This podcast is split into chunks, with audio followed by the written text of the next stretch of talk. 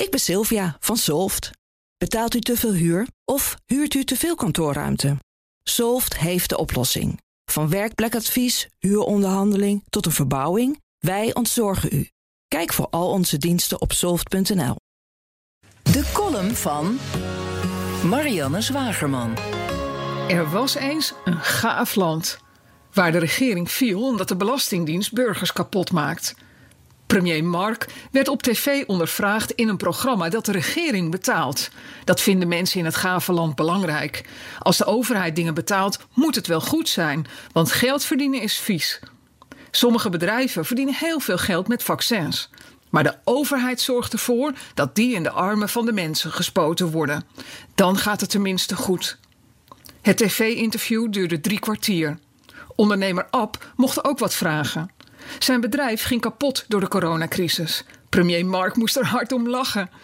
Toen was er geen tijd meer om het te hebben over de reden dat zijn kabinet was gevallen.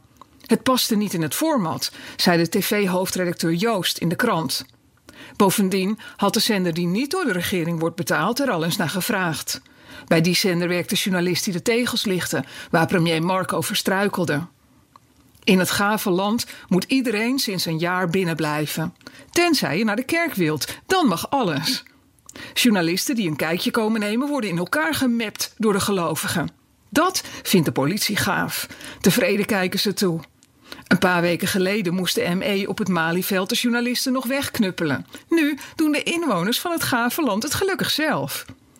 Amnesty International pruttelde wat over excessief politiegeweld. Maar in het gave land lossen mensen dingen samen op.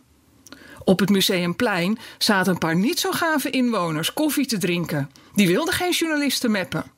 Dus nam de politie de journalisten mee in een busje, netjes opgeruimd. Daar houden de mensen in het gave land van.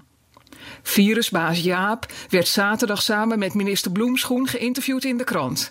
De minister vindt zijn eindbazen, de volksvertegenwoordigers, maar stom. Wappies noemt hij ze. Jaap vindt ze ook stom. Ze begrijpen zijn datamodellen niet eens, waarmee hij de coronacrisis voorspelt. Dus huurde Jaap een journaliste in die veel van feminisme en mannenhaat weet, om vragen over de datamodellen te stellen aan zijn mensen. Trots gooide zijn RIVM het filmpje op Twitter. Wat is een rekenmodel? vroeg journaliste Milou. Virusbaas Jaap had ook Maurice de Hond in kunnen huren. Die weet wel wat een rekenmodel is. Maar die stelt steeds kritische vragen. Dat is niet gaaf. Ik ben Olivier van Solft. Betaalt u te veel huur of huurt u te veel kantoorruimte? Solft heeft de oplossing. Van werkplekadvies, huuronderhandeling tot een verbouwing. Wij ontzorgen u. Kijk voor al onze diensten op soft.nl.